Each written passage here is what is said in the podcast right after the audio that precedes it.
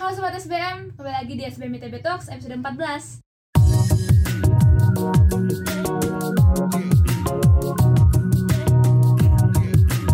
Nah, episode 14 kali ini kita akan membahas tentang bisnis sociopreneur itu sendiri. Oleh karena itu, di SBM ITB Talks akan mengundang dua orang yang menjadi sosok penting dalam sociopreneur bisnis, yang dikenal dengan bisnis jambannya nih. Nah, yaudah nih kita panggil dulu aja.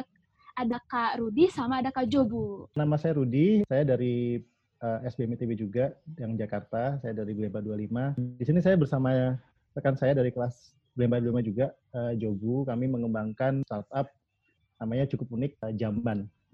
Saya Jobu Bahyudi, saya juga dari SBM ITB Jakarta. Saya bersama rekan saya uh, Rudi yang menginisiasi uh, si Jamban ini. Uh, kita uh, berangkat dari experience kita sih, jadi kita memang suka jalan-jalan, traveling, terus kita memang suka uh, kebersihan juga. Jadi awalnya mulai dari situ kita melihat memang memang, memang sanitasi kita ini masih sangat buruk sekali. Jadi kita coba iseng-iseng sih menginisiasi bikin jamban gitu seperti itu. Kasarannya seperti itu. Jamban ini termasuk salah satu sociopreneur bisnis nih yang Kak Rudi sama Kak Jobu untuk bisnis sociopreneur dalam bidang membersihkan kamar mandi. Daripada kan banyak tuh jenis bisnis lainnya. Ya. ya backgroundnya gimana kak gitu? Jadi Indonesia ini tuh masih uh, peringkat dua terburuk sanitasi di dunia. Lah, mungkin banyak orang yang masih belum tahu nih isi uh, ranking di, di, di, di Indonesia gitu kan. Dan kita uh, berangkat dari tempat wisata dulu nih. Karena memang kita tahu bahwa tempat wisata kan menjadi sumber uh, PDB kita terbesar ya di Indonesia ya. Jadi kalau kita uh, tidak mulai dari situ, akan berimpact kepada penurunan pendapatan negara kita seperti itu. Jadi kita berusaha untuk uh, mencari uh, opportunity-opportunity yang bisa untuk membantu uh, wisata awalnya seperti itu sih. Dan kita kita sih awalnya ini kita me, mencoba untuk merenovasi. Jadi kita kita punya standar, kita merenovasi pabrik toilet yang dimiliki oleh tempat wisata, lalu kita koneksikan kepada aplikasi kita. Ya, itu awal bisnis kita seperti itu. Jadi kita mengkoneksikan hardware dan software gitu di, di diintegrasikan. Hmm. Jadi misalnya ini uh, Mbak Andina uh, ke tempat Taman Sari Jogja gitu kan, kan pasti bingung nih toiletnya di mana ya? Nah itu download apps kita, nanti kita akan uh, mendireksi ke tempat toilet yang uh, manage by jamban seperti itu.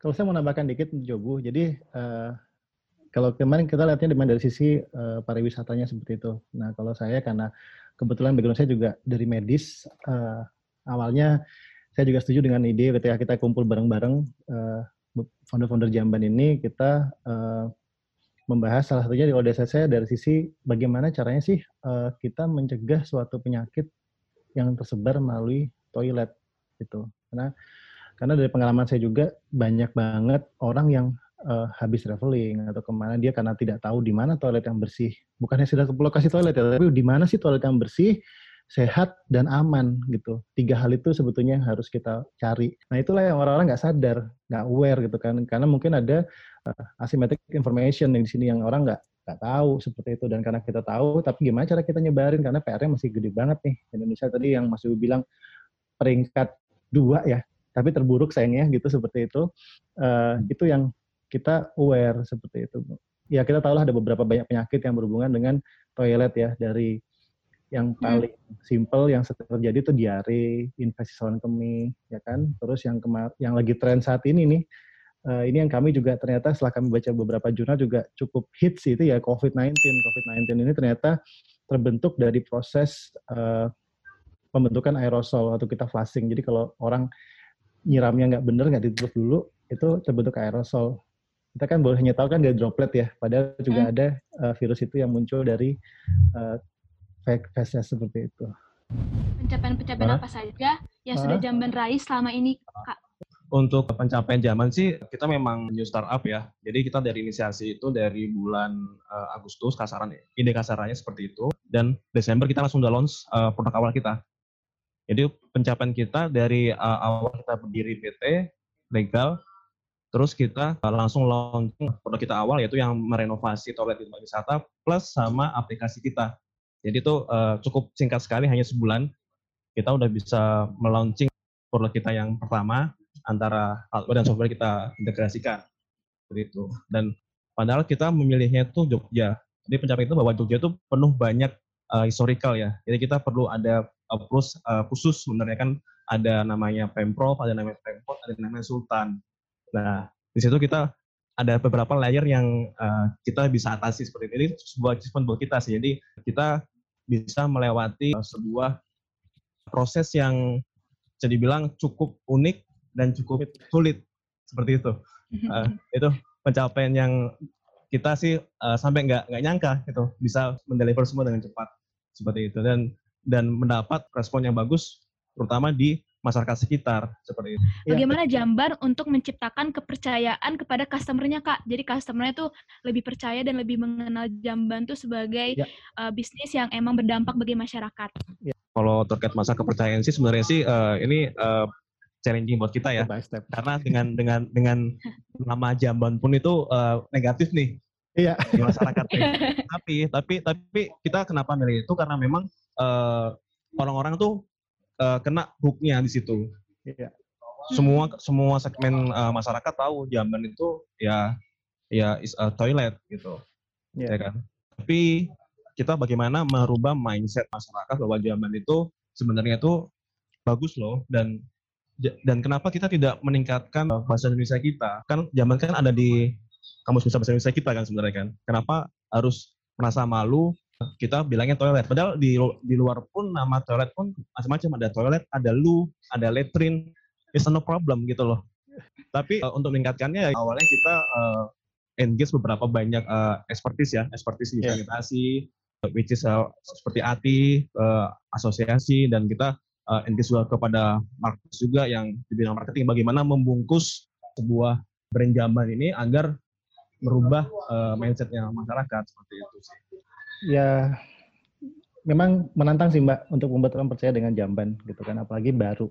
Siapa sih anak baru kok ngomongnya kesehatan gini-gini ya? Walaupun background kita juga kita belajar ya saya ada medis Mas Jobu dari uh, konstruksi ada teman-teman lain yang juga dari tech dan sebagainya ya. tapi kan orang tetap aja bukan melihat siapa di belakangnya tapi adalah brand ini bagaimana gitu karena itu yang makanya kita belajar dan kita uh, banyak berkolaborasi sih Mbak seperti itu kita banyak berkolaborasi dengan lembaga-lembaga yang yang lebih dulu, lebih senior dan lebih capable seperti itu.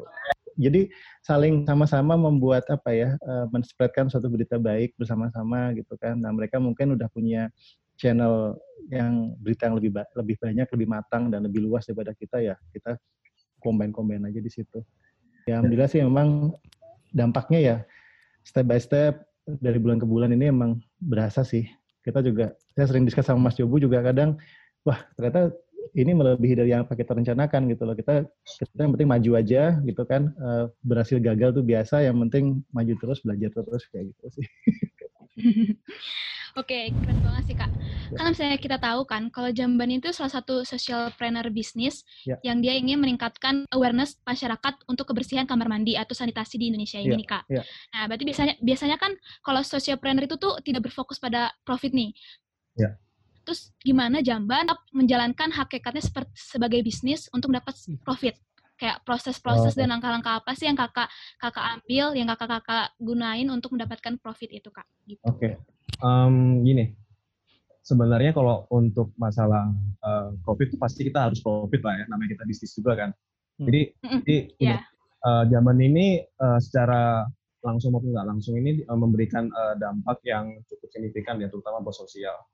Dan uh, gimana kita mengenerate revenue-nya? Jadi ternyata kita telah uh, belajar dan uh, research lebih dalam lagi uh, terkait bisnis bisnis toilet dan sanitasi ini ternyata sangatlah sangat uh, luas sekali. Tidak hanya dari toilet nih. Ada waste manajemennya, hmm. ada amenitiesnya, yeah. ada expertisingnya juga. Ya, ada, ada lagi berapa uh, beberapa uh, circular ya. Ada ada ada namanya circular uh, ekonomi toilet sebenarnya. Yeah. Nah itu tuh itu itu itu uh, banyak banget yang bisa kita monetize uh, selain dari kebersihan dan uh, pembangunan toilet. Nah, di situlah kita uh, nanti ke depannya memang membuat uh, produk produk uh, turunan yang seperti kayak uh, vending machine untuk amenities kan biasanya kan kalau wanita kan uh, agak ribet ya untuk masuk toilet kan butuh tisu, butuh sabun dan lain-lain. Kita coba hmm. sediakan uh, vending machine yang uh, di sekitaran toilet kita. Jadi uh, dia bisa bayar uh, scan atau by OVO atau GoPay untuk uh, membeli amenities yang dia inginkan seperti itu ya. Hmm. Di situ di situ uh, kita bisa mengenerate revenue situ. Dan satu lagi yang kita kita sangat uh, itu uh, advertising. Jadi uh, kita membuat sebuah advertising uh, di dalam toilet seperti itu. Nah, ya. uh, seperti konsepnya seperti sama kayak kalau kita lagi naik lift di kantor gedung. Nah, kan ada kayak semacam LED LED TV yang kita uh, ada ikan-ikan di situ kan. Nah, apabila kita uh, pakai itu di toilet, minimal orang akan menonton ikan itu dua menit. Ya. Dan itu juga mengenerate revenue juga di situ. uh, dan semua keputusan apa pun itu 90% di toilet. Kita mau mau mau pinjam uh, duit, mau mutusin beli apa, mau apa, mau apa, gitu kan di toilet semua. Jadi di situ di situ kita sebenarnya hanya tahu ternyata banyak banget yang bisa kita uh, monetize di situ seperti itu sih. Ya, ya. Yang saya pelajari dari dari advisor-advisor kami asal kita bisa memberikan value yang lebih tinggi daripada price, price is, is no problem lagi kan seperti itu. Resiko dari sociopreneur bisnis itu tuh harus menjalankan kedua sisi antara ya, mendapat profit dan social impact-nya. Ya. Nah, kenapa sih Kakak Rudi sama Kakak Jobunu akhirnya menginisiatif atau menginisiasi untuk membuat bisnis sociopreneur ini. Padahal kan masih banyak tuh potensi-potensi bisnis lain kayak uh, potensi fashion atau F&B alasan kakak kenapa kak ke berkecimpung di dunia sociopreneur ini gitu kak?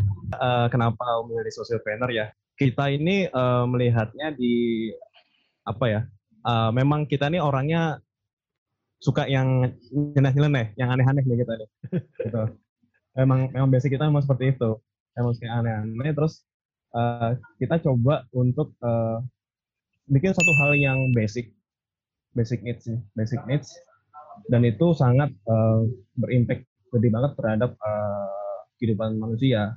Kita sih punya keyakinan mem memang ke depannya uh, ini akan menjadi sebuah uh, super apps yang sangat sangat besar sekali yang bisa uh, mengkoneksikan ke seluruh uh, integrasi antara uh, toilet maupun aplikasi maupun kehidupan masyarakat seperti itu. Bisnis sociopreneur itu masih kayak bisnis yang masih diragukan gitu oleh oleh yeah. banyak orang. Yeah. Kayak bisa nggak ya bisnis sociopreneur ini berjalan dengan Sustain baik? Gitu ya. Bisa nggak ya bisnis sociopreneur ini sukses seperti bisnis yeah. lainnya? Ya. Terus yeah. strategi ya sustain gitu benar kak. Hmm. Terus strategi apa sih kak yang kakak ada kakak Rudi sama kakak Jobu lakukan untuk membuat bisnis sociopreneur ini tetap sustain gitu?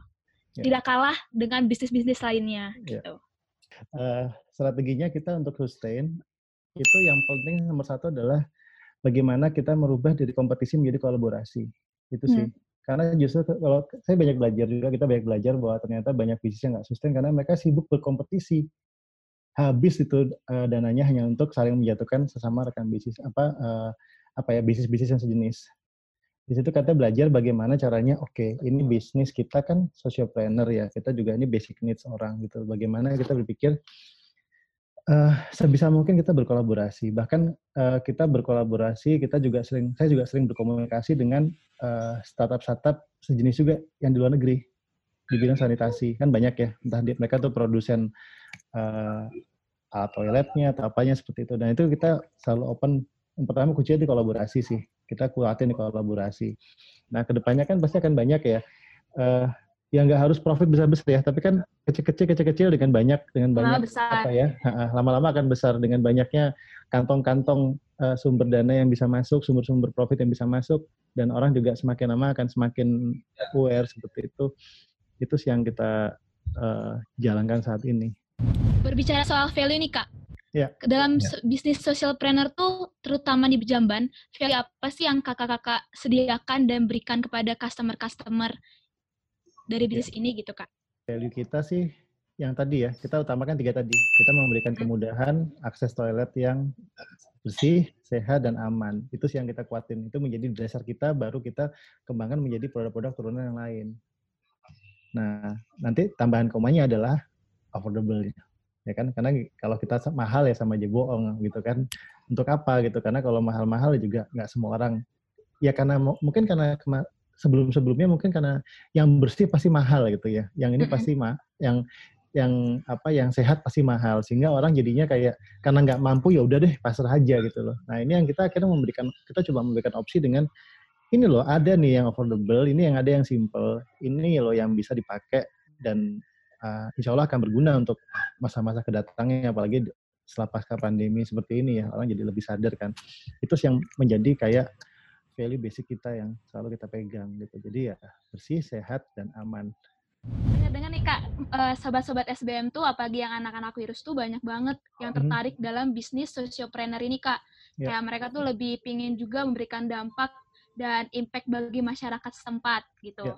Yeah. Yeah. Tapi kita tahu bahwa bisnis sociopreneur tuh masih banyak yang meragukan juga nih Kak, masih banyak kayak takut, ah takut profitnya nggak dapet, takut yeah. nanti di tengah-tengah jatuh atau down gitu kan kak. Yeah. Gimana sih kak menurut kakak strategi atau tips and trick dalam membuat suatu bisnis sociopreneur ini kak biar bisa dia sustain dan bisa berjalan gitu kak. Yeah. Kalau kita ngomong masalah uh, gagal rugi itu hal yang biasa ya dalam bisnis ya. Hmm. Jadi gini, jangan takut dulu. Yang penting eksekusi. Jadi ini ide itu nggak akan berguna kalau kita nggak akan eksekusi. Yeah. Nah, hmm. eksekusi itu kita uh, baik banget tabrakannya pasti pasti baik banget jadi istilahnya jangan berpikiran dulu bahwa ini akan profit atau uh, gagal atau jatuh udah pokoknya yakin aja dan kita jalanin pasti bisa menghasilkan sebuah uh, value dan otomatis akan itu berimpact kepada revenue juga seperti itu sih. Jadi di, di, di kita pun juga ini kok sudah sudah ada uh, beberapa uh, mahasiswa internship juga ikut sama Jamban dari SMITB juga. Dan dan mereka belajar uh, ternyata sosiopreneur itu bisa juga menghasilkan loh nggak tidak hanya secara sosial tapi secara profit juga seperti itu sih.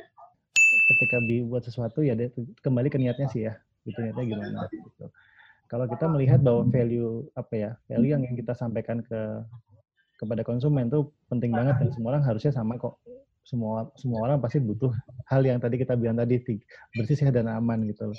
Kenapa kenapa kita yakin karena value itu value semua orang seperti itu. Nah, salah satu hmm. caranya agar kita tidak takut gagal adalah kita banyak belajar, Mbak. Nggak cuma dari buku gitu. Ya. Itu yang membuat kita kenapa kan kita pasti ada saatnya kita lagi percaya banget nih, tapi kalau down siapa yang bertugas untuk ngangkat moral kita kan ketika down itu? Makanya kenapa kita selalu aktif mencari advisor seperti itu. Berkumpul sama uh, komunitas startup gitu kan berbagai komunitas mau dalam negeri maupun luar negeri. Ya intinya adalah apa yang udah kita pelajari kita taruh dulu kita kosongin kepala kita belajar nih. Karena siapa tahu di situlah kita nemu jawabannya kan. Oh ya ternyata ini ya ini ini. Jadi oh ternyata gagal biasa aja ya. Oh kalau gini ternyata nabrak. Nah itu. Jadi kenapa sih kita takut gagal? Karena kita nggak tahu kita mau nabrak apa kan gitu. Semakin kita semakin kita dapat input oh di depan ini ada yang bakal nabrak nih seperti itu. Oh ternyata teman kita di luar negeri ada yang nabrak di sini. Oh ternyata mereka punya ide ini punya konsep ini. Oh ini kayaknya bisa kolaborasi. Itu yang membuat kita semakin yakin bahwa uh, bisnis yang kita jalankan ya berhasil gitu. Dan ternyata secara alam bawah sadar ketika kita ber, yakin ini berhasil ya ternyata alhamdulillah dari kita sih udah merasakan sendiri ya mbak ya dari uh, kita yakin sebetulnya banyak ya belajar berdoa dan sebagainya akan ada jalannya kok Mbak. Dan kadang jalannya itu tidak melebihi dari yang kita rencanakan sih. Dari yang tadi udah kakak-kakak sampaikan tuh aku bisa simpulin kalau misalnya sebenarnya social planner bisnis itu adalah bisnis yang mudah dilakukan. Ya. Yang penting intinya tuh kita harus punya keyakinan. Ya. Kita harus punya kita berani untuk menyampaikan ide kita atau ya. menyampaikan apa yang kita inginkan hmm. dan yang kedua kita harus berani untuk berkolaborasi. Ya. Jangan ada kayak rasa kompetisi tapi kolaborasi karena yeah. untuk berkolaborasi itu akan menghasilkan sesuatu yang iya. besar akhirnya.